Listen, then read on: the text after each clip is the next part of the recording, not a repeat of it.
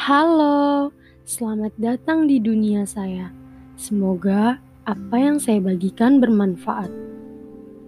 Oke, podcast kali ini ingin saya isi tentang proses saya mencari tokoh-tokoh Islam yang menginspirasi saya hingga sekarang.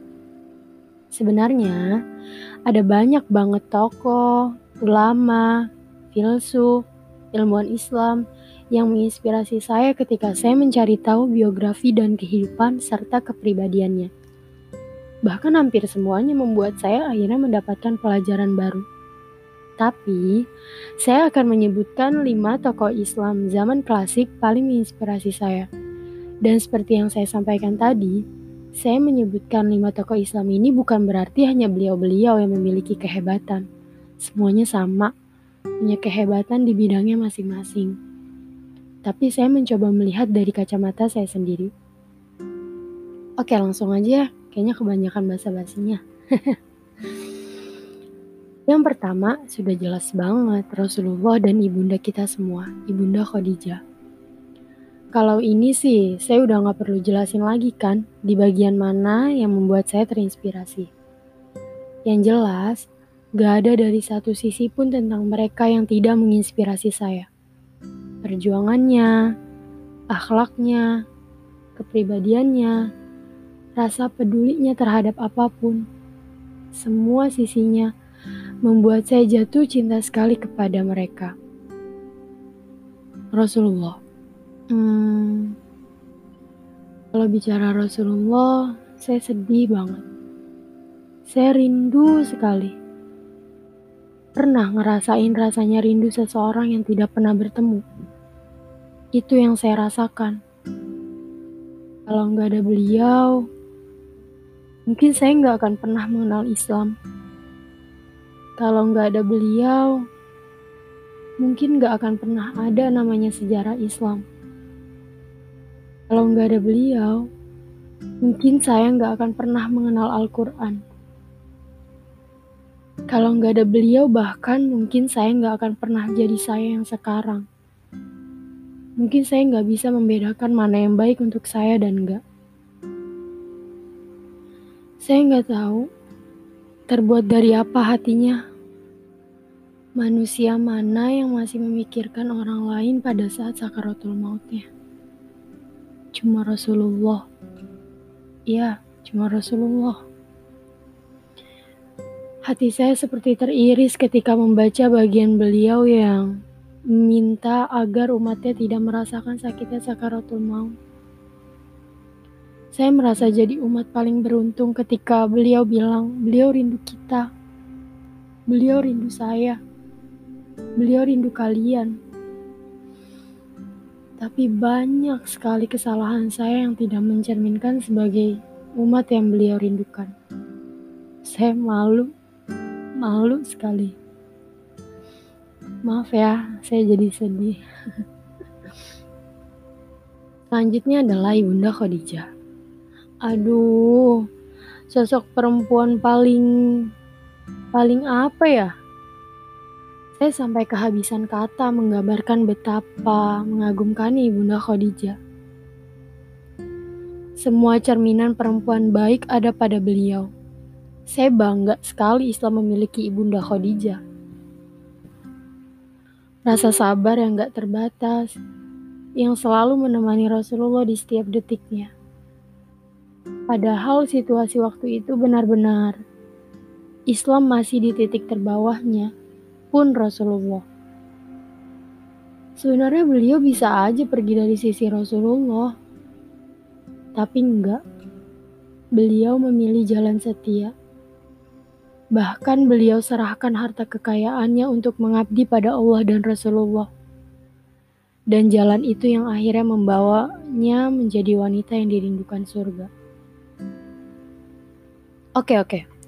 Kalau bicara Rasulullah dan Ibunda Khadijah, kayaknya mau nunggu podcast ini satu jam pun gak akan selesai. Kita move ke selanjutnya aja ya. Yang kedua yang menginspirasi saya adalah seseorang bernama Wais Al-Qarni. Beliau disebut sebagai penduduk langit. Saya yakin pendengar saya sudah tahu kisah hidup beliau kan?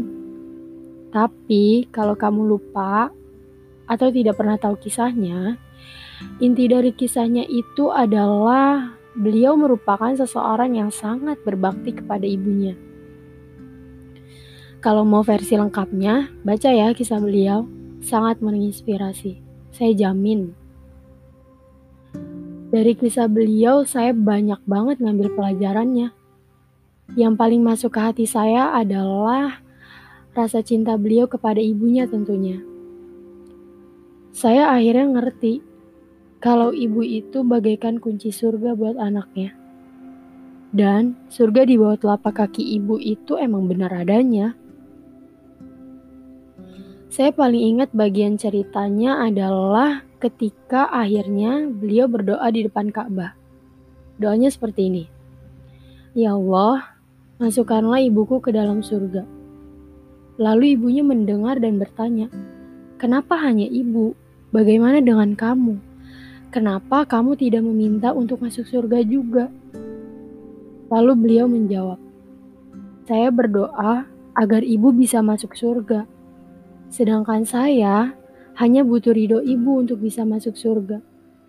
Indah sekali kan percakapan itu. Selain itu, saya juga belajar dari Uwais Al-Qarni kalau tidak usah peduli apa pun perkataan orang lain tentang mimpi kita. Direndah, dicaci, ditertawakan bahkan.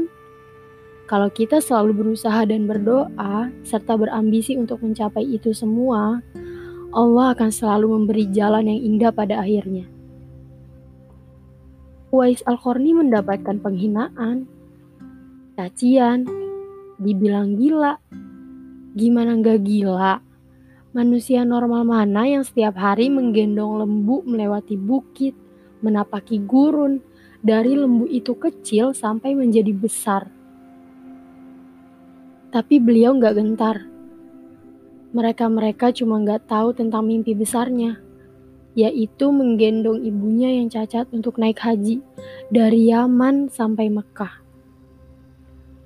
Bayangin ratusan kilo yang ditempuhnya aja udah buat saya merinding. Tapi beliau akhirnya sampai di Mekah bersama ibunya dan menjalankan haji.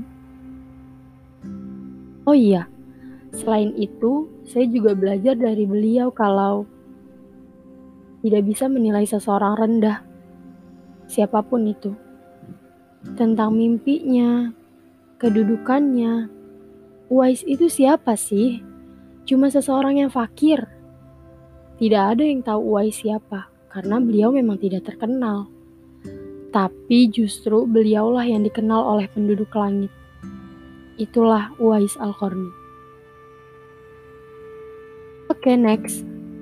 Yang ketiga itu hmm, Khalifah Harun ar-Rasyid dan Al-Ma'mun, anaknya. Kalian pasti tahu kan, banyak sekali ilmu-ilmu di dunia ini yang ditemukan dari ilmuwan Islam. Nah, kayak matematika, kedokteran, filsafat, dan masih banyak lagi deh. Dulu, perkembangan ilmu pengetahuan Islam pernah mencapai puncak kejayaannya. Ya pada masa mereka lah Islam ada di puncak kejayaan dalam bidang ilmu pengetahuan. Dulu kita punya perpustakaan besar, namanya Baitul Hikmah, adanya di Baghdad. Tapi Baitul Hikmah akhirnya dihancurkan oleh pasukan Mongol. Karya-karya ilmuwan Islam dibuang ke sungai Tigris bahkan sampai air sungai Tigris berwarna hitam disebabkan dari tinta-tinta buku yang dibuang. Saya sering banget menghayal, coba aja kalau Baitul Hikmah masih ada. Coba aja kalau buku-bukunya nggak dibuang. Betapa ilmunya akan sangat bermanfaat untuk dunia. Hmm, yang sampai ke kita sekarang adalah sisa-sisa dari yang masih bisa diselamatkan dari kejadian itu. Tapi sisanya aja udah ngasih banyak banget manfaat buat dunia. Kebayang gak sih gimana kalau masih lengkap? Memang ya, kejadian Baitul Hikmah adalah salah satu mimpi buruk buat umat Islam. Dari mereka saya sadar betapa pentingnya belajar. Saya harus bisa meninggalkan sesuatu untuk kebermanfaatan umat muslim generasi setelah saya. Saya mau setidaknya generasi setelah saya mengenali saya sebagai orang yang meninggalkan jejak kebaikan untuk dunia ini. Saya pengen banget rasanya melihat kebangkitan ilmu pengetahuan yang dipelopori oleh umat Islam lagi. Saya pengen lihat muslim generasi sekarang mengejar ketertinggalan. Ayo, kita saling buat manfaat untuk setidaknya diri kita sendiri. Alhamdulillah kalau kita bisa bermanfaat untuk orang lain juga. Kejar mimpi kita, tekuni apa yang kita suka, bikin perubahan untuk diri sendiri dan lingkungan sekitar. Jadi apa pun, dengan mimpi yang bagaimanapun, kalau niat kita adalah untuk kebermanfaatan, insya Allah apa yang kita lakukan dan usahakan tidak akan berakhir sia-sia. Oke, selanjutnya adalah Musa bin Nusair dan Torik bin Ziyad. Pasti kalian bertanya-tanya, siapa mereka? Kenapa saya suka sama mereka? Gini-gini, kalian tahu kan, Islam pernah sangat berjaya di Eropa. Nah, mereka berdualah pembuka gerbang jalan Eropa. Merekalah penakluk Andalusia merekalah sosok berjasa yang pada akhirnya peninggalan Islam bisa kita temukan di Eropa. Saya harus berterima kasih kepada mereka karena telah membuka mata dunia, khususnya pada Eropa. Kalau Islam itu indah sekali. Dari mereka saya akhirnya berpacu dan semakin semangat mengenal peninggalan Islam di seluruh dunia lebih dalam lagi. Yang terakhir itu kita bergeser sedikit ya kepada mufasir. Mufasir itu adalah orang yang membuat tafsir. Beliau bernama Fakhruddin Ar-Razi. Terlepas dari mazhab teologi maupun mazhab fikihnya, saya mengagumi beliau karena salah satu karya beliau, yaitu tafsir Mafatihul Goib, salah satu tujuannya adalah menanggapi serta mengkritik tafsir Al-Kasyaf. Oke, biar saya ceritakan maksudnya. Jadi, waktu saya ada materi Mafatul Goib di kampus saya, dosen saya bilang gini, tafsir ini tujuan dibuatnya salah satunya adalah memberikan tanggapan terhadap tafsir Al-Kasyaf, karya Azamaksyari. Mungkin kalau seandainya dosen saya berhenti pada kalimat itu, saya tidak akan mempermasalahkan atau memikirkan kalimat itu lebih lanjut. Tapi dosen saya menambahkan, zaman dahulu ulama-ulama dan ilmuwan Islam kalau mau menanggapi atau mengkritik suatu karya itu dengan sebuah karya. Terus saya mikir, oh pantas ya zaman dahulu Islam memiliki perkembangan ilmu pengetahuan yang sangat pesat. Karena ketika seseorang mau mengkritik sebuah karya itu, ya dengan karya, ngerti nggak? Kayak misalkan saya punya buku nih, ternyata apa yang saya tulis di buku itu tidak sesuai dengan apa yang kalian pahami. Jadi kalian mengkritik buku saya dengan cara kalian membuat buku juga. Dan dalam dunia ilmu pengetahuan, selama orang tersebut memiliki argumentasi yang kuat, tujuannya yang jelas, dan bukti yang bisa dipertanggungjawabkan, maka hal tersebut tidak dapat dikatakan salah, meskipun berbeda dari yang kita pahami dan yakini. Sehingga itu kali ya yang membuat ilmu pengetahuan Islam dulu menjadi pusat keilmuan dunia. Terus saya juga jadi kepikiran, mungkin alasan umat muslim saat ini tertinggal adalah karena merasa semuanya sudah ada. Sudah serba instan.